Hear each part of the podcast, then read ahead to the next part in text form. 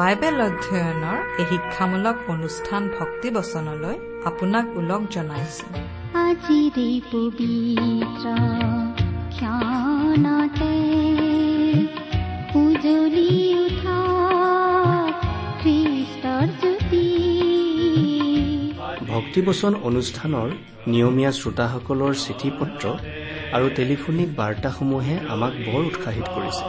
ভক্তিবচন পৰিয়ালৰ তৰফৰ পৰা তেওঁলোকলৈ অশেষ ধন্যবাদ জনাইছো। প্ৰভু যীশুৰ বাণীসমূহে শ্ৰোতাসকললৈ আশীৰ্বাদ কঢ়িয়াই অনা বুলি জানিলে আমি কাম কৰি যাবলৈ অধিক বল পাওঁ। ঈশ্বৰে আপোনালোকক এইদৰে সদায় আশীৰ্বাদ কৰি থাকক। আপোনাৰ জীৱন আৰু পৰিয়ালত সদায় সুখ শান্তি আৰু প্ৰচুৰতা প্ৰভু যীশুৱে দান কৰক। শাৰীৰিক সকলো ৰোগ ব্যাধি পাৰিবাৰিক সমস্যা আৰু আত্মিক সকলো বন্ধনবোৰৰ সমাধান দিব পৰা প্ৰভু যীশুৰ বাণীসমূহে যেন আপোনাৰ জীৱনলৈ নতুনত্ব আৰু জীয়াই থকাৰ প্ৰকৃত অৰ্থ কঢ়িয়াই আনে এয়ে আমাৰ প্ৰাৰ্থনা। জীৱন যদি বিফলতাই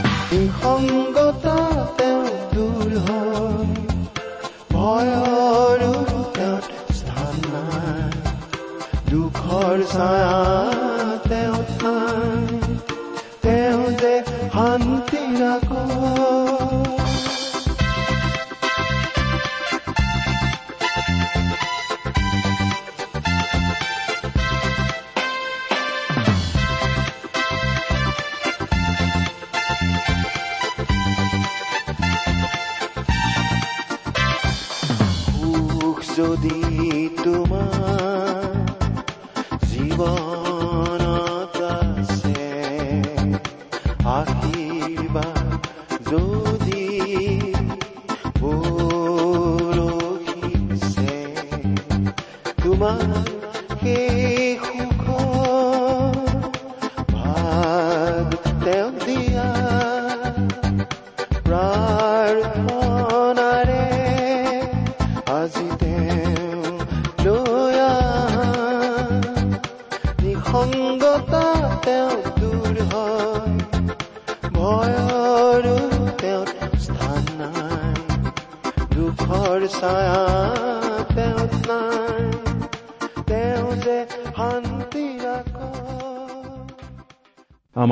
মহান ত্ৰাণকৰ্তা প্ৰভু যীশুখ্ৰীষ্টৰ নামত নমস্কাৰ প্ৰিয় শ্ৰোতা।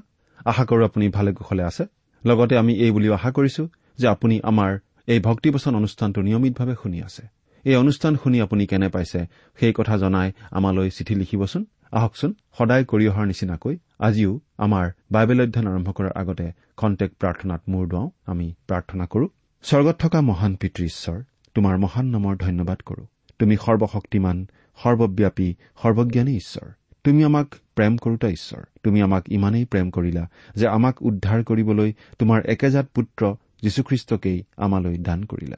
তেওঁ ক্ৰুচত প্ৰাণ দি আমাৰ সকলো পাপৰ প্ৰায়চিত্ৰ কৰিলে আৰু তৃতীয় দিনা জি উঠি নিজৰ ঈশ্বৰত্বৰ প্ৰমাণ দিলে।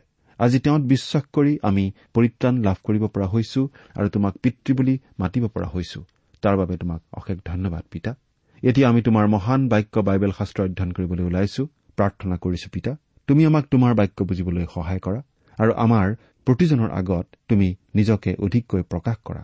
আমাৰ মৰমৰ শ্ৰোতাসকলৰ জীৱনত তোমাৰ আশীৰ্বাদ উপচি পৰিবলৈ দিয়া কিয়নো এই প্ৰাৰ্থনা আমাৰ পাপৰ প্ৰায়চিত্ৰ কৰিবলৈ ক্ৰুচত প্ৰাণ দি তৃতীয় দিনা পুনৰ জি উঠি এতিয়া স্বৰ্গত আমাৰ বাবে নিবেদন কৰি থকা ত্ৰাণকৰ্তা প্ৰভু যীশুখ্ৰীষ্টৰ নামত আগবঢ়াইছো।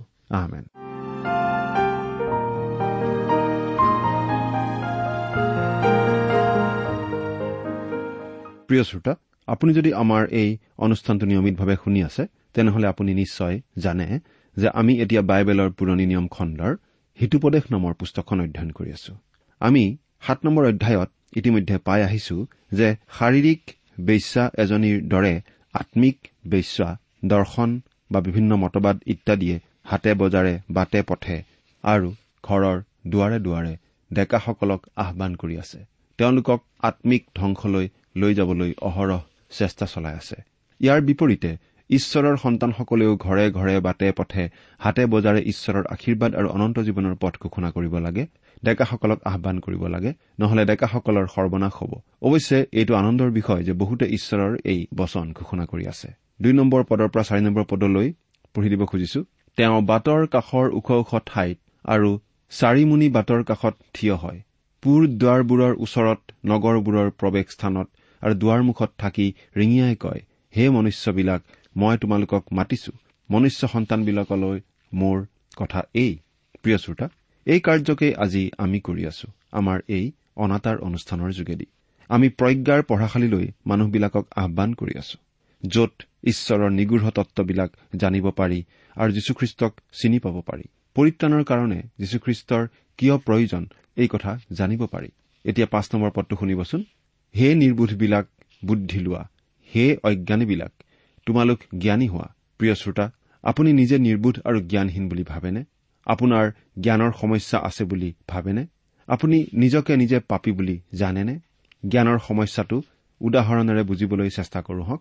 এবাৰ এজন ডেকাই এই বুলি কৈছিল মোৰ বাইবেলৰ ক্ষেত্ৰত জ্ঞানৰ সমস্যা আছে। তাৰমানে তেওঁ কবলৈ বিচাৰিছিল যে বাইবেলে যাক পাপ বুলি কৈছে তেনে এটা স্বভাৱ তেওঁৰ আছিল আৰু সেই পাপ স্বভাৱটো তেওঁ এৰি দিব বিচৰা নাছিল। এয়াই হ'ল জ্ঞানৰ সমস্যা। এই সমস্যাৰ সমাধান হ'ল একমাত্ৰ খ্ৰীষ্ট। কোনোৱে যদি আন্তৰিকতাৰে খ্ৰীষ্টৰ হাতত নিজক সমৰ্পণ কৰে তেন্তে সেই পাপৰ পৰা আঁতৰি অহাত খ্ৰীষ্টই সহায় কৰিব। ছয় নম্বৰ পদৰ পৰা আঠ নম্বৰ পদ। শুনা কিয়নো মই উত্তম কথা কওঁ আৰু মোৰ মুখৰ বাক্য ন্যায়। কিয়নো মোৰ মুখে সত্য কথা কয় আৰু দুষ্টতা মোৰ ওঠৰ বাবে ঘীনলগীয়া। মোৰ মুখৰ সকলো কথাই ন্যায়। সেইবোৰৰ মাজত বেকা বেকি কি কুটিল একোৱেই নাই। প্ৰিয় শ্ৰোতা প্ৰজ্ঞাৰ এয়া কি সুন্দৰ কথা চাওকচোন। ইয়াৰ বিপৰীতে কিন্তু কিছুমান মানুহে বাইবেলত ভুল আৰু সমস্যা থকা বুলি ক'ব বিচাৰে আৰু বহুতে এনেকুৱা কিতাপ পত্ৰও লিখে। বাইবেলত বুজিবলৈ কঠিন কথা কিছুমান আছে সঁচা। এগৰাকী বাইবেল পণ্ডিতে কৈছে যে প্ৰথম অৱস্থাত তেওঁ হেনো বহুত কথা বুজি পোৱা নাছিল আৰু এতিয়াও হেনো তেখেতৰ দুই এটা নুবুজা কথা আছে। ইয়াৰ কাৰণ হ'ল আমাৰ মন আৰু হৃদয়। ঈশ্বৰৰ বচনৰ প্ৰতি আমাৰ অৱহেলাটো এটা কাৰণ আৰু আমাৰ বিশ্বাসৰ অভাৱটো আন এটা বেলেগ কাৰণ। কিন্তু ঈশ্বৰে কৈছে যে তেওঁৰ বচনত একো বেকা বেকি বা কুটিলতা নাই। ন নম্বৰ পদত এই বুলি লিখিছে বুদ্ধিমানৰ আগত সেই সকলোৱে সুস্পষ্ট আৰু জ্ঞান লাভ কৰা লোকৰ আগত যথাৰ্থ। প্ৰিয় শ্ৰোতা আমি যদি প্ৰজ্ঞাৰ দ্বাৰাই ঈশ্বৰৰ বাক্য বুজিবলৈ চেষ্টা কৰো তেন্তে ই তেনেই সহজ। আপুনিও বুজি পাব। আমি ঈশ্বৰক ধন্যবাদ দিব লাগিব যে তেওঁ পৰিত্ৰাণৰ শুভবাৰ্তা কেৱল মাত্ৰ উচ্চ বুদ্ধি থকা বহুত জ্ঞান থকা মানুহে বুজি পোৱাকৈ লিখা নাই। তেনে কৰিলে বহু মানুহে সত্য ঈশ্বৰক নজনাকৈ থাকিলেহেঁতেন। কিন্তু তেওঁ সহজ সৰল মানুহৰ কাৰণেও সহজ ভাষাত পৰিত্ৰাণৰ কথা কৈছে। অৱশ্যে মানুহে কঠিন আৰু গভীৰ বুলি কোৱা কিছুমান কথা আছে যিবোৰ আচলতে সিমান কঠিন নহয়। বুজিবলৈ তেনেই সহজ। কিন্তু তাৰ বাবে লাগিল অকুটিল আৰু নিৰ্মল অন্তৰ। উদাহৰণস্বৰূপে পানী পৰিষ্কাৰ ফটফটীয়া হলে দ পানীৰ তলত থকা বস্তুটোও দেখা পোৱা যায়। কিন্তু বোকাময় হলে বাটত গৰুৰ খোজত জমা হোৱা পানীত থকা বস্তুটো দেখা পোৱা নাযায়। প্ৰিয় শ্ৰোতা বাইবেলৰ কিবা কথাত যদি আপোনাৰ সমস্যা আছে তেন্তে স্পষ্টকৈ কবলৈ গ'লে সেই সমস্যাটো বাইবেলৰ নহয়। সমস্যাটো আপোনাৰ আপোনাৰ মন আৰু হৃদয়ৰ। উদাহৰণস্বৰূপে মই বাইবেলৰ পদ দুটি পঢ়ি দিছো শুনিবচোন। দ্বিতীয় কৰিন্ঠিয়া তিনি নম্বৰ অধ্যায়ৰ তেৰ আৰু চৈধ্য নম্বৰ পদ। আৰু ইছৰাইলৰ সন্তানবিলাকে সেই লুপ্ত হৈ যোৱাটোৰ শেষ যেন একেথৰে চাবলৈ নাপায় এইকাৰণে মুচিয়ে যেনেকৈ তেওঁৰ মুখত উৰণি ললে আমি তেনেকৈ নকৰো। কিন্তু তেওঁবিলাকৰ মন কঠিন কৰা হল। কিয়নো পুৰণি নিয়মৰ পাঠত আজিলৈকে সেই একে উৰণি আছে। সেয়ে যে খ্ৰীষ্টৰ দ্বাৰাই লুপ্ত কৰা হৈছে এই কথা প্ৰকাশিত হোৱা নাই। প্ৰিয় শ্ৰোতা আপুনি হয়তো ভাবিব পাৰে যে তেওঁলোকে বুজিব নোৱাৰাৰ কাৰণ হল তেওঁলোকৰ মনত এখন উৰণি আছে আৰু তাৰ বাবে তেওঁলোক দায়ী নহয়। ঠিক একেদৰে আজিও বহুতো মানুহে ভাবে যে তেওঁলোকৰ মনতো এখন উৰণি আছে যাৰ বাবে তেওঁলোকে বাইবেল বুজি নাপায়। ইয়াৰ উত্তৰৰ বাবে ঠিক ইয়াৰ পাছৰ অৰ্থাৎ পোন্ধৰ আৰু ষোল্ল নম্বৰ পদ দুটি মন কৰিবচোন। কিন্তু এতিয়ালৈকে মুচিৰ পুস্তক পঢ়োতে তেওঁবিলাকৰ হৃদয়ত সদায় উৰণি আছে। কিন্তু যেতিয়া প্ৰভুলৈ মন পালতাই তেতিয়া সেই উৰণি গুচোৱা হয়। এয়া চাওক। যেতিয়া কোনো এজন লোকে প্ৰভু যীশুক হৃদয়ৰ বিশ্বাসেৰে গ্ৰহণ কৰে তেতিয়া তেওঁৰ সেই উৰণি গুচি যায়। তাৰমানে প্ৰভু যীশুক হৃদয়ত স্থান দিলেই হৃদয়ৰ উৰণি দূৰ কৰা হয়। তাৰমানে বাইবেল বুজি নোপোৱা সমস্যাটো আমাৰ বৌদ্ধিক জ্ঞান বা মগজুৰ জ্ঞানৰ সমস্যা নহয় ই হ'ল হৃদয়ৰ সমস্যা অৰ্থাৎ আন্তৰিক বিশ্বাসৰ সমস্যা। এতিয়া আমাৰ বাস্তৱ জীৱনৰ কথালৈ আহোঁ। আমাৰ জীৱনত পাপৰ এটা সমস্যা আছে যাৰ বাবে আমি কিছুমান বেয়া কামৰ পৰা আঁতৰি আহিব নোখোজো আৰু প্ৰভু যীশুখ্ৰীষ্টৰ ওচৰত নতশিৰ হ'ব নিবিচাৰো। কিন্তু আমি যদি প্ৰভু যীশুক হৃদয়েৰে বিশ্বাস কৰো তেতিয়া সত্যক চিনি নোপোৱাকৈ ৰখা উৰণিখন গুচোৱা হ'ব আৰু আমি সত্যক চিনি পাম আৰু প্ৰভু যীশু যে আমাৰ জীৱনৰ বাবে প্ৰয়োজন তাক জানিব পাৰিম। এইটো এটা আচৰিত কথা যে প্ৰভু যীশুক বিশ্বাস কৰাৰ লগে লগে ঈশ্বৰৰ বচনৰ মহৎ মহৎ তত্ববোৰ বুজাত অতি সহজ হৈ পৰে। আজি বহু মানুহে কয় যে প্ৰভু যীশুক বিশ্বাস নকৰালৈকে তেওঁলোকে বহুত কথা বুজি পোৱা নাছিল। বুজি নোপোৱাটো মগজুৰ সমস্যা নহয় ই হৃদয়ৰ সমস্যা। ঈশ্বৰৰ বচন সহজ আৰু পোনপটীয়া। কিন্তু শুনিবলৈ আৰু বুজিবলৈ ইচ্ছাৰ অভাৱেই হ'ল মানুহৰ সমস্যা। সেইকাৰণে সাধাৰণ মানুহ কিছুমানেও ঈশ্বৰক পাবলৈ সক্ষম হৈছে যি ক্ষেত্ৰত মহা মহা পণ্ডিত কিছুমানেও ঈশ্বৰক পাব পৰা নাই। এগৰাকী বিখ্যাত বাইবেল শিক্ষকে কৈছে যে বহু মানুহে ঈশ্বৰৰ বচনৰ বিৰোধিতা কৰা মানুহক বুজাবলৈ তেখেতক অনুৰোধ কৰিছিল। উত্তৰত তেখেতে কৈছিল যে ঈশ্বৰৰ বচন কোৱাটো তেখেতৰ কাম কিন্তু পতিয়ন নিওৱাটো প্ৰভু যীশুৰ কাম। এজন ডেকা ল'ৰা আছিল। তেওঁ ঈশ্বৰৰ বচনক লৈ বৰ তৰ্ক বিতৰ্ক কৰিছিল কিন্তু ঈশ্বৰক বিশ্বাস কৰা নাছিল।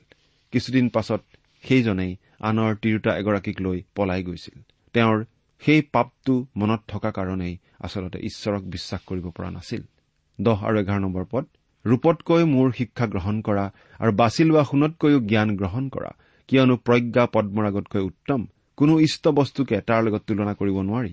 প্ৰিয় শ্ৰোতা সকলো জাগতিক বস্তুকে তুলনা কৰি যেতিয়া আমি প্ৰজ্ঞাক প্ৰথম স্থান দিব জানিম তেতিয়াহে ঈশ্বৰকো আমাৰ জীৱনত প্ৰথম স্থান দিব জানিম। এই বিষয়ে প্ৰভু যীশুৱেও কৈছে তোমালোকে প্ৰথমে ঈশ্বৰৰ ৰাজ্যৰ ধাৰ্মিকতা বিচাৰা তেতিয়া আন সকলোবিলাক তোমালোকক দিয়া হ'ব। এতিয়া প্ৰজ্ঞাৰ বৈশিষ্ট্যৰ বিষয়ে বাৰ নম্বৰ পদ পাঠ কৰিছো শুনিবচোন। মই প্ৰজ্ঞাই সুবুদ্ধিয়ে সৈতে বাস কৰো আৰু কাৰ্যনিৰ্বাহক জ্ঞান লাভ কৰো। প্ৰিয় শ্ৰোতা ঈশ্বৰৰ বচনে কৈছে যে প্ৰজ্ঞা এগৰাকী ব্যক্তি আৰু সেই ব্যক্তিগৰাকী হৈছে স্বয়ং প্ৰভু যীশুখ্ৰীষ্ট নিজেই। তেৰ নম্বৰ পদ ঈশ্বৰক ভয় কৰিলেই দুষ্টতাক ঘীন কৰা হয়। মই অহংকাৰী দম্ভ কুপথ আৰু কুটিল মুখ ঘীন কৰো। ইয়াত ঈশ্বৰক প্ৰভু যীশুখ্ৰীষ্টৰ যোগেদি প্ৰকাশ কৰা হৈছে। সেইকাৰণে প্ৰভু যীশুৱেও এইবিলাক কৰা নাছিল আৰু ঘীন কৰিছিল। আমাৰ মাজত হলে এইবোৰ সহজেই আমি দেখা পাওঁ। কিন্তু প্ৰভু যীশুৰ ওপৰত নিৰ্ভৰ কৰিলেই এই সকলোৰ ওপৰত আমি জয়যুক্ত হ'ব পাৰো। চৈধ্যৰ পৰা ষোল্ল নম্বৰ পদ সুকল্পনা আৰু বুদ্ধি কৌশল মোৰেই ময়েই বুদ্ধি মোৰেই পৰাক্ৰম। মোৰ দ্বাৰাই এই ৰজাবিলাকে ৰাজত্ব কৰে আৰু অধিপতিবিলাকে ন্যায় স্থাপন কৰে। শাসনকৰ্তাবিলাকে আৰু ডাঙৰীয়াসকলে এনেকে পৃথিৱীৰ সকলো বিচাৰকৰ্তাবিলাকেই মোৰ দ্বাৰাই শাসন কৰে। দানিয়েলৰ পুস্তক আৰু গীতমালাটো এই বিষয়ে কোৱা হৈছে যে ঈশ্বৰে গোটেই পৃথিৱীতে শাসন কৰি আছে। আনকি ঈশ্বৰক নজনা মানুহৰ দেশবিলাকো তেওঁইহে চলাই আছে। আৰু তেওঁৰ ইচ্ছাই এই জগতত সিদ্ধ হৈছে। সোতৰ নম্বৰ পদ যিবিলাকে মোক প্ৰেম কৰে ময়ো সেইবিলাকক প্ৰেম কৰো। আৰু যিবিলাকে মোক যত্নেৰে বিচাৰে তেওঁবিলাকেই মোক পায়। এই কথা ৰজা চলোমনে ডেকাকালতেই বুজি পাইছিল।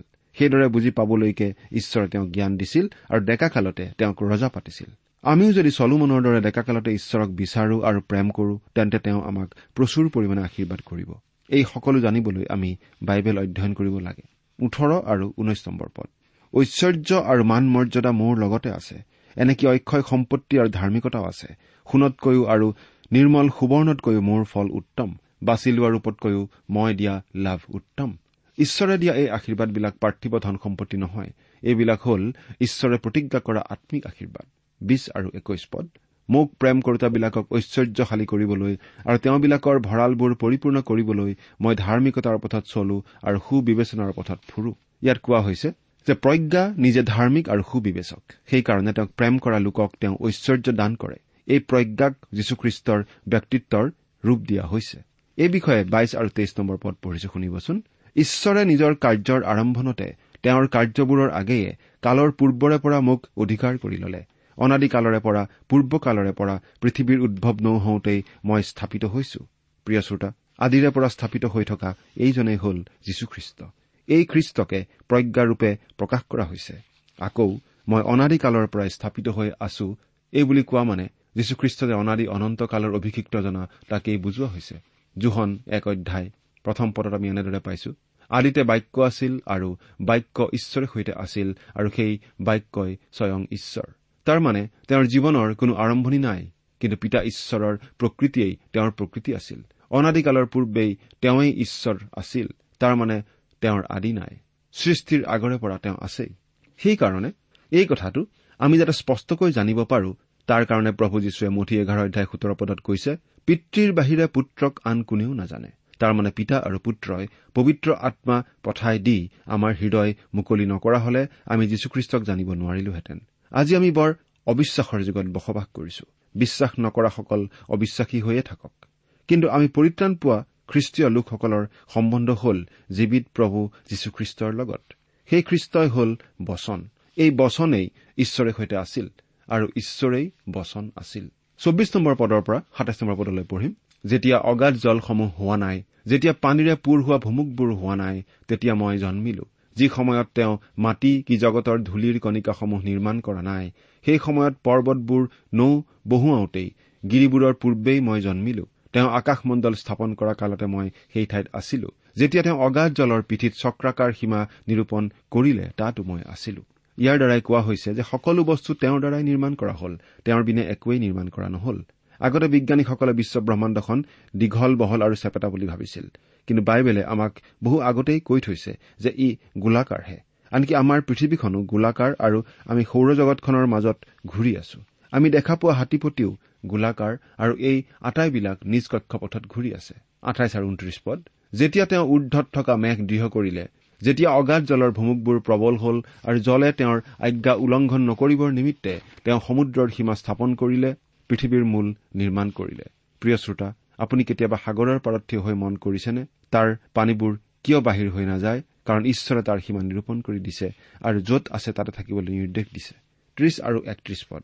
তেতিয়াই মই তেওঁৰ লগত প্ৰধান কাৰ্যকাৰিণী আছিলো আৰু মই বাসযোগ্য তেওঁৰ পৃথিৱীত আনন্দ কৰি তেওঁৰ আগত সদায় ৰং কৰি তেওঁৰ দৈনিক সন্তোষদায়িকা দাসী আছিলো। প্ৰিয় শ্ৰোতা যি যি নিৰ্মাণ কৰা হৈছিল সেই সকলোবিলাক খ্ৰীষ্টৰ বাহিৰে নিৰ্মাণ কৰা হোৱা নাছিল। খ্ৰীষ্টই হ'ল সকলো সৃষ্টিৰ প্ৰথম আৰু সকলোতকৈ শ্ৰেষ্ঠ। তেওঁৰ দ্বাৰা ঈশ্বৰে সকলো বস্তু হোৱা কৰিলে কাৰণ তেওঁ হ'ল অসৃষ্ট ঈশ্বৰ আৰু তেওঁৰ আগত তেওঁ সদায় ৰং কৰিছিল। সেই ৰং আৰু আনন্দ ঈশ্বৰৰ অনুগ্ৰহৰ যোগেদি আমালৈ আহে। কি যে আনন্দৰ বিষয়। বত্ৰিশ আৰু তেত্ৰিশ পদ। এই হেতুকে হে মোৰ বোপাহঁত তোমালোকে এতিয়া মোৰ কথা শুনা। কিয়নো যিবিলাকে মোৰ পথত চলে তেওঁবিলাক ধন্য। তোমালোকে শিক্ষা জানি জ্ঞানবান হোৱা। তাক অগ্ৰাহ্য নকৰিবা। প্ৰিয় শ্ৰোতা ইয়াৰ দ্বাৰা প্ৰজ্ঞাক অগ্ৰাহ্য কৰিবলৈ বাধা দিয়া হৈছে। প্ৰজ্ঞা হ'ল খ্ৰীষ্ট আৰু প্ৰজ্ঞাক যদি আমি ভাল পাওঁ তেন্তে খ্ৰীষ্টকেই ভাল পাওঁ। চৌত্ৰিশৰ পৰা ছয়ত্ৰিশ পদ। যি মানুহে মোৰ দুৱাৰৰ ওচৰত দিনে দিনে পৰ দি আৰু মোৰ দুৱাৰৰ খুটিৰ গুৰিত বাট চাই থাকি মোৰ কথা শুনে সেইজন ধন্য। কিয়নো যিজনে মোক পায় সেইজনে জীৱনো পায় আৰু ঈশ্বৰৰ অনুগ্ৰহ লাভ কৰে। কিন্তু যিজনে মোৰ বিৰুদ্ধে পাপ কৰে সি নিজ প্ৰাণহানি কৰে আৰু যিবিলাকে মোক ঘীন কৰে সেই সকলোৱেই মৃত্যু ভাল পায়। প্ৰিয় শ্ৰোতা ইয়াত কোৱা হৈছে যে কোনোৱে যদি আশীৰ্বাদেৰে ভৰা অনন্ত জীৱন পাবলৈ ইচ্ছা কৰে তেন্তে তেওঁ খ্ৰীষ্টক পাব লাগিব। আৰু কোনোবাই যদি খ্ৰীষ্টক ঘীন কৰে তেওঁৰ বাবে আছে অনন্ত মৃত্যু। এয়া ঈশ্বৰৰ স্পষ্ট ঘোষণা। কিন্তু সিদ্ধান্ত আমি সকলোৱেই নিজে নিজে ল'ব লাগিব। আমাৰ নিজৰ নিজৰ সিদ্ধান্তৰ ওপৰতে নিৰ্ভৰ কৰিছে আমাৰ নিজৰ জীৱনৰ ভৱিষ্যত। প্ৰিয় শ্ৰোতা ন নম্বৰ অধ্যায়ৰ পৰা আমি দেখা পাওঁ যে প্ৰজ্ঞাই এতিয়া বিদ্যালয়ৰ পাছত প্ৰজ্ঞাৰ এটা মহাবিদ্যালয় খুলি লৈছে। প্ৰজ্ঞাৰ বিদ্যালয়ত পঢ়িবলৈ আৰম্ভ কৰা উঠি অহা ডেকা গাভৰুসকলে এতিয়া মানে বিদ্যালয়ৰ শিক্ষা সাং কৰি প্ৰজ্ঞাৰ মহাবিদ্যালয়ৰ শিক্ষা আহৰণ কৰিবলৈ সুযোগ গ্ৰহণ কৰিব পাৰিব। মহাবিদ্যালয়ৰ ঘণ্টা অবিৰামে বাজিবলৈ লৈছে। ন নম্বৰ অধ্যায়ৰ প্ৰথম পাঁচটা পদ আমি পাঠ কৰিছো। হাতত বাইবেল থাকিলে চাই যাওক। প্ৰজ্ঞাই নিজৰ সাতোটা স্তম্ভ কাটি নিজৰ গৃহ নিৰ্মাণ কৰিলে। তেওঁ নিজৰ পশু মাৰিলে দ্ৰাক্ষাৰস যুগুত কৰিলে। তেওঁ নিজৰ মেজ সজালে। তেওঁ নিজৰ দাসীবিলাকক পঠাই নগৰৰ ওখ ঠাইবোৰৰ পৰা নিমন্ত্ৰণ কৰি ৰিঙিয়াই ৰিঙিয়াই কোৱায় যিজন বোধহীন তেওঁ ইয়ালৈ আহক। আৰু জ্ঞানশূন্যক হলে তেওঁ কয় আহা মোৰ খাদ্যদ্ৰব্য ভোজন কৰাহি আৰু মোৰ মিশ্ৰিত দ্ৰাক্ষাৰস ভোজন কৰাহি। প্ৰজ্ঞাই মহাবিদ্যালয়খনৰ বাবে গৃহ এখন নিৰ্মাণ কৰিছে আৰু তাত সাতটা স্তম্ভ বা লাইখুটা আছে। সাত সংখ্যাটোৱে সদায়েই সম্পূৰ্ণতাক বুজায়। সেই মহাবিদ্যালয়খনত প্ৰজ্ঞাই স্নাতক পাঠ্যক্ৰমৰ পৰা আৰম্ভণ কৰি স্নাতকোত্তৰ এনেকি পি এইচ ডি কিতাপ দিব পৰালৈকে নিশ্চয় পাঠদান কৰে। ভাল আৰু সম্পূৰ্ণ শিক্ষা আহৰণ কৰাৰ ক্ষেত্ৰত আমি অকণো অৱহেলা কৰিব নাপায়। কোনো কোনো লোকে কয় যে প্ৰভু যীশুৱে মনোনীত কৰি লোৱা শিষ্যসকল উচ্চ শিক্ষিত লোক নাছিল। কিন্তু যিসকল শিষ্য স্বয়ং প্ৰজ্ঞা প্ৰভু যীশুখ্ৰীষ্টৰ সৈতে তিনি বছৰতকৈও অধিককাল থাকি শিক্ষা আহৰণ কৰিছিল। তেওঁলোকক শিক্ষিত লোক বুলিব নোৱাৰিনে? মঠি জোহন আৰু পিতৰে যি শিক্ষাসমূহৰ লিখনি এৰি থৈ গৈছে সেইখিনি অশিক্ষিত মানুহৰ লিখনি বুলি ক'ব পাৰিনে? সেইবোৰ এনে লিখনি যিবোৰ ঈশ্বৰৰ বচনৰূপে স্বীকৃত হৈছে। আচলতে কোনসকল লোককনো শিক্ষিত লোক বুলি আমি ক'ব পাৰো? যিসকল ব্যক্তিৰ মুখেৰে আৰু কলমেৰে জ্ঞান নিগৰে তেওঁলোকেই শিক্ষিত ব্যক্তি নহয়নে? মঠি জোহন আৰু পিতৰৰ লিখনিত জ্ঞানৰ দুৰ্ঘুৰ অভাৱ বুলি কোনে ক'ব পাৰিব? আমি পাহৰি নাযাওঁ হওক যে প্ৰভু যীশুৱেই প্ৰজ্ঞা আৰু তেওঁৰ পৰা শিক্ষা লোৱা কোনো মানুহ অশিক্ষিত হ'ব নোৱাৰে। তেওঁ নিজৰ পশু মাৰিলে দ্ৰাক্ষাৰস যুগুত কৰিলে তেওঁ নিজৰ মেজ সজালে। মানে মানে এইয়ে যে প্ৰজ্ঞাই জ্ঞান আহৰণৰ বাবে যি মহাবিদ্যালয় পাতিছে সেইখন মহাবিদ্যালয়ৰ পাঠ্যক্ৰমখিনি পশুৰ মাংস আৰু দ্ৰাক্ষাৰসেৰে ভোজৰ আহাৰ আৰু পানীয় ভোজন আৰু পাণ কৰাৰ দৰে এতিয়া জ্ঞান আহৰণ কৰিব লাগে। তেওঁ নিজৰ দাসীবিলাকক পঠাই নগৰৰ ওখ ঠাইবোৰৰ পৰা নিমন্ত্ৰণ কৰি ৰিঙিয়াই ৰিঙিয়াই আমন্ত্ৰণ কৰোৱাই বুলি আচলতে ইয়াত কি কবলৈ খোজা হৈছে জানেনে প্ৰিয় শ্ৰোতা? এয়া স্বৰ্গীয় বিবাহলৈ আমাৰ পৰিত্ৰাতা প্ৰভু যীশুৱে জনোৱা নিমন্ত্ৰণৰ ছবি। বিয়াখনত সকলোবোৰ আয়োজন প্ৰস্তুত আছে কিন্তু বহু অতিথিয়ে সেই নিমন্ত্ৰণ প্ৰত্যাখ্যান কৰি ভুল কৰে। তাৰ পাছত দাসসকলে ৰাজ আলি আৰু সৰু সুৰা আলিৰ সকলো ফাললৈকে গৈ বিয়ালৈ মানুহবিলাকক নিমন্ত্ৰণ জনায়। মুঠি বাইছ অধ্যায় একৰ পৰা চাৰিপদ চাওক। প্ৰজ্ঞায়ো সেইদৰে সকলো ফাললৈ গৈ তেওঁৰ জ্ঞানৰ মহাবিদ্যালয়লৈ নিমন্ত্ৰণ জনাব লাগে। ঠিক সেইদৰে আজি আমাৰো দায়িত্ব হৈছে বৰ আলি আৰু সৰু আলি সকলোলৈকে গৈ প্ৰভুৰ সৈতে মিলন হোৱাৰ বাণী আমি সকলোকে উচ্চস্বৰে জনাব লাগে। আমাৰ বাণী এই যে দয়াৰ সাগৰ ঈশ্বৰ মানুহৰ সৈতে মিল হোৱাৰ ব্যৱস্থা তেওঁ যুগুত কৰিলে আৰু সেয়ে এতিয়া মানুহ ঈশ্বৰৰ সৈতে মিল হ'ব লাগে। দ্বিতীয় কৰিন্ঠিয়া পাঁচ অধ্যায় বিশ নম্বৰ পদ। আমি জানো যে আজি এই নিমন্ত্ৰণ যিমান অধিককৈ বাহিৰলৈ গৈ আছে। মানৱ ইতিহাসৰ কোনো যুগতেই ইমান অধিক হাৰত এই নিমন্ত্ৰণ দিয়া হোৱা নাছিল। ছয় নম্বৰ পদ নিৰ্বোধহঁতৰ লগ এৰি জীৱন ধাৰণ কৰা আৰু সুবুদ্ধিৰ পথত চলা।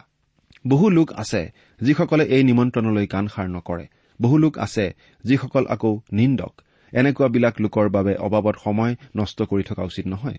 আপুনি প্ৰত্যেক মণ্ডলীতেই দেখিব যে কম বেছি পৰিমাণে এনে লোক আছে যিসকলে মণ্ডলীৰ কাম প্ৰভুৰ পৰিচৰ্যা বা ঈশ্বৰৰ বচনৰ প্ৰতিৰোধ কৰে। তেওঁলোকক আমি এই নিমন্ত্ৰণ জনায়েই থাকিব লাগিবনে? নাই। প্ৰয়োজন নাই। প্ৰভুৱে আমাক কৈ থৈছে যে আমি গাহৰিৰ আগত মুকুতা দলিয়াব নালাগে। ছয় নম্বৰ পদৰ পাছৰ তিনিটা পদলৈ এতিয়া আমি লক্ষ্য কৰো। বহু বাইবেল শিক্ষকে ভাবে যে এই পদ তিনিটা এই অধ্যায়ৰ পদ হ'ব নালাগিছিল। অৰ্থাৎ তেওঁলোকৰ মতে কৰবাৰ পদ আহি কৰবাত ঠাই পালেহি। কিন্তু কথাখিনিৰ একাধিক ক্ৰমতালৈ চাই পদকেইটা ঠিক ঠাইতেই আছে বুলি আমি জানিব পাৰো। সাতৰ পৰা ন নম্বৰ পদ। যি মানুহে নিন্দকক শিক্ষা দিয়ে তেওঁ অপমান পায়। আৰু যি মানুহে দুষ্টক অনুযোগ কৰে সি কলংক পায়। তুমি নিন্দকক অনুযোগ নকৰিবা কৰিলে সি তোমাক ঘীন কৰিব। জ্ঞানবানকেই অনুযোগ কৰা আৰু সি তোমাক ভাল পাব। জ্ঞানবানক উপদেশ দিয়া তেতিয়া সি অধিক জ্ঞানী হ'ব। ধাৰ্মিকক শিক্ষা দিয়া তেতিয়া তেওঁ বিদ্যাত বৃদ্ধি পাব।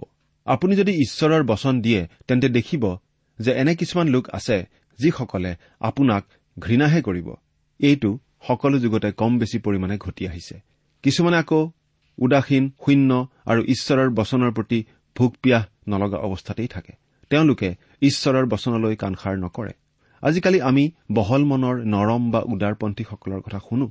ঈশ্বৰৰ বচনক ঈশ্বৰৰ বচনৰূপে বিশ্বাস কৰাসকলক তেওঁলোকে ঠেক মনৰ লোক বুলিও কয়। কিন্তু সঁচা কথা কবলৈ গ'লে তথাকথিত এই বহল মনৰ উদাৰপন্থীসকলেহে বহু লোকক প্ৰজ্ঞাৰ বিদ্যালয় আৰু মহাবিদ্যালয়ৰ পৰা আঁতৰ কৰি লৈ গৈছে। দহ নম্বৰ পদ জিহুৱালৈ ভয় ৰখাই প্ৰজ্ঞাৰ আৰম্ভণ আৰু পবিত্ৰজনাক জনাই সুবিবেচনা। আপুনি ক'ব পাৰিম যে এই কথাটো আমি আগতেও পাই আহিছো। এৰা এক অধ্যায় সাত নম্বৰ পদতেই আমি এই কথাটো পাই আহিছো। কাৰণ তেতিয়া ঘৰৰ লৰাই ঘৰতে থাকি পিতৃ মাতৃৰ যোগেদি আদি পাঠ আওৰাইছিল। আদি পাঠৰ এইটোৱেই আৰম্ভণি পাঠ। কিন্তু এতিয়া ঘৰৰ ল'ৰা ঘৰ আৰু বিদ্যালয়ৰ পৰা ওলাই বাহিৰৰ মহাবিদ্যালয়ত প্ৰৱেশ কৰিছে আৰু আদিতে শিকা প্ৰাৰম্ভিক পাঠখিনি পুনৰ আলোচনা কৰিবলগীয়া হৈছে। এঘাৰ আৰু বাৰ নম্বৰ পদ। কিয়নো মোৰ দ্বাৰায়েই তোমাৰ আয়ুস দীঘল হ'ব আৰু তোমাৰ জীৱনৰ বছৰকেইটা বাঢ়ি যাব। তুমি জ্ঞানবান হলে নিজৰ মংগলৰ বাবে জ্ঞানবান হবা আৰু নিন্দক হলে অকলেই তাৰ ভাৰ ববা। আপুনি যদি জ্ঞানী হ'ব বিচাৰে তেন্তে আপোনাৰ প্ৰাণৰ অনন্তকালৰ আয়োজন কৰক কাৰণ সৰগ আৰু নৰক আছে আৰু সৰগৰ অনন্ত জীৱন আৰু নৰকৰ অনন্ত মৰণো আছে। বিশ্বাস কৰিলেও আছে আৰু নাস্তিক আৰু নিন্দকসকলে অবিশ্বাস আৰু নিন্দা কৰি নাই বুলিলেও সৰগ নৰক আৰু জীৱন মৰণ আছেই। দুটা কথা প্ৰিয় শ্ৰোতা। এক সৰগ আৰু নৰক যে আছে তাকে আমি বিশ্বাস কৰাসকলে কেতিয়াবা গৈ দেখি আহিলোনে বুলি নাস্তিক আৰু নিন্দকসকলে আমাক প্ৰশ্ন কৰে। আমিও তেওঁলোকক সুধিবলৈ ইচ্ছা কৰো যে সৰগ আৰু নৰক যে নাই তাকে তেওঁলোকে গৈ দেখি আহিলেনে? যে সৰগ আৰু নৰক বাস্তৱিকতে নাই বুলি তেওঁলোকে ক'ব পাৰে? আমি দেখি বা নেদেখি এই কথা কোৱা নাই কিন্তু ঈশ্বৰৰ বচন বাইবেলে কোৱাৰ ভিত্তিতে বিশ্বাস কৰি কওঁ। দ্বিতীয়তে ধৰি লওক সৰগ আৰু নৰক নাই। তেতিয়ানো বাৰু আছে বুলি বিশ্বাস কৰাসকলৰ কাৰণে কি অসুবিধা হ'ব?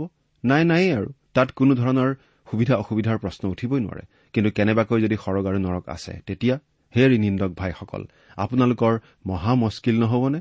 গতিকে আপুনি যদি জ্ঞানী হ'ব বিচাৰে তেন্তে বিশ্বাস কৰক তেতিয়া আপুনি কেওফালৰ পৰাই বিপদমুক্ত হ'ব। অধ্যায়টোৰ তেৰ নম্বৰ পদৰ পৰা পাওঁ অজ্ঞানী তিৰোতাৰ বিদ্যালয়ৰ বিষয়ে। তেৰ নম্বৰ পদ অজ্ঞানী তিৰোতা দন্দুৰি তাই নিৰ্বোধ একোকে নাজানে। এতিয়া চৈধ্য আৰু পোন্ধৰ নম্বৰ পদ পঢ়িছো। তাইৰ ওচৰেদি পোনে পোনে যোৱা পথিকবিলাকক মাতিবৰ অৰ্থে তাই নিজৰ ঘৰৰ দুৱাৰ মুখত বা নগৰৰ ওখ ওখ ঠাইত আসন পাতি বহে ষোল্ল নম্বৰ পদৰ পৰা ওঠৰ নম্বৰ পদলৈকে পঢ়িছো। ঘৰৰ দুৱাৰ মুখত বা নগৰৰ ওখ ওখ ঠাইত আসন পাতি বহি এইদৰে কয় যি নিৰ্বোধ সি এই ঠাইলৈ আহক আৰু জ্ঞান শূন্য হলে তাই কয় চুৰ কৰা পানী মিঠা আৰু গুপুতে খোৱা আহাৰ অতি সুস্বাদু। কিন্তু মৃতবিলাক যে তাত থাকে আৰু তাইৰ নিমন্ত্ৰিত লোকবিলাক চিউলৰ গভীৰ ঠাইত আছে তাক সেই লোকে নাজানে। প্ৰিয় শ্ৰোতা এই কথাৰ পৰাই আমি সাৱধান হোৱা উচিত নহয়নে? আমি যাতে এই জগতৰ ফুচলনিত ভুল গৈ অপথে নাযাওঁ কিন্তু প্ৰভু যীশুৰ যোগেৰে ঈশ্বৰে জনোৱা কথালৈ কাণ সাৰ কৰি আমি যাতে সেই পথ লওঁ তালৈ আমি এতিয়াই সাৱধান হ'ব নালাগেনে? চিন্তা কৰি চাওকচোন। ঈশ্বৰে আমাক আশীৰ্বাদ কৰক। প্ৰিয় শ্ৰোতা ইমান পৰে আপুনি বাইবেল শাস্ত্ৰৰ পৰা ঈশ্বৰৰ বাক্য শুনিলে। এই বিষয়ে আপোনাৰ মতামত জানিবলৈ পালে আমি নথৈ আনন্দিত হ'ম। আমি প্ৰস্তুত কৰা বাইবেল অধ্যয়নৰ চিডিসমূহ পাব বিচাৰিলে আৰু অনুষ্ঠানত প্ৰচাৰ কৰা কোনো কথা বুজিব লগা থাকিলেও আমালৈ লিখক। আমাৰ যোগাযোগৰ ঠিকনা ভক্তিবচন ট্ৰান্সপল ৰেডিঅ' ইণ্ডিয়া ডাক বাকচ নম্বৰ সাত শূন্য গুৱাহাটী। সাত আঠ এক শূন্য শূন্য এক। ঠিকনাটো আকৌ এবাৰ কৈছো ভক্তিবচন ট্ৰান্সৱল ৰেডিঅ' ইণ্ডিয়া ডাক বাকচ নম্বৰ সাত শূন্য গুৱাহাটী সাত আঠ এক শূন্য শূন্য এক।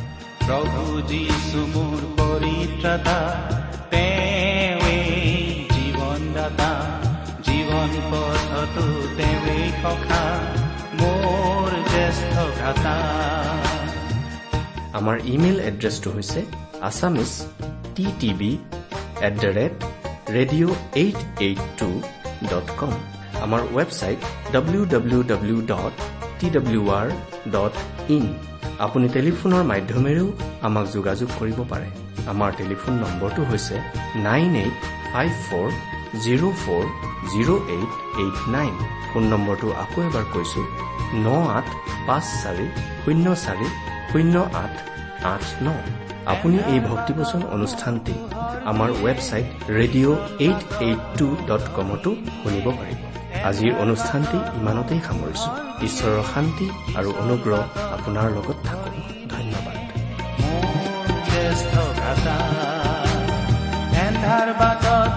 পোহৰ দিয়ে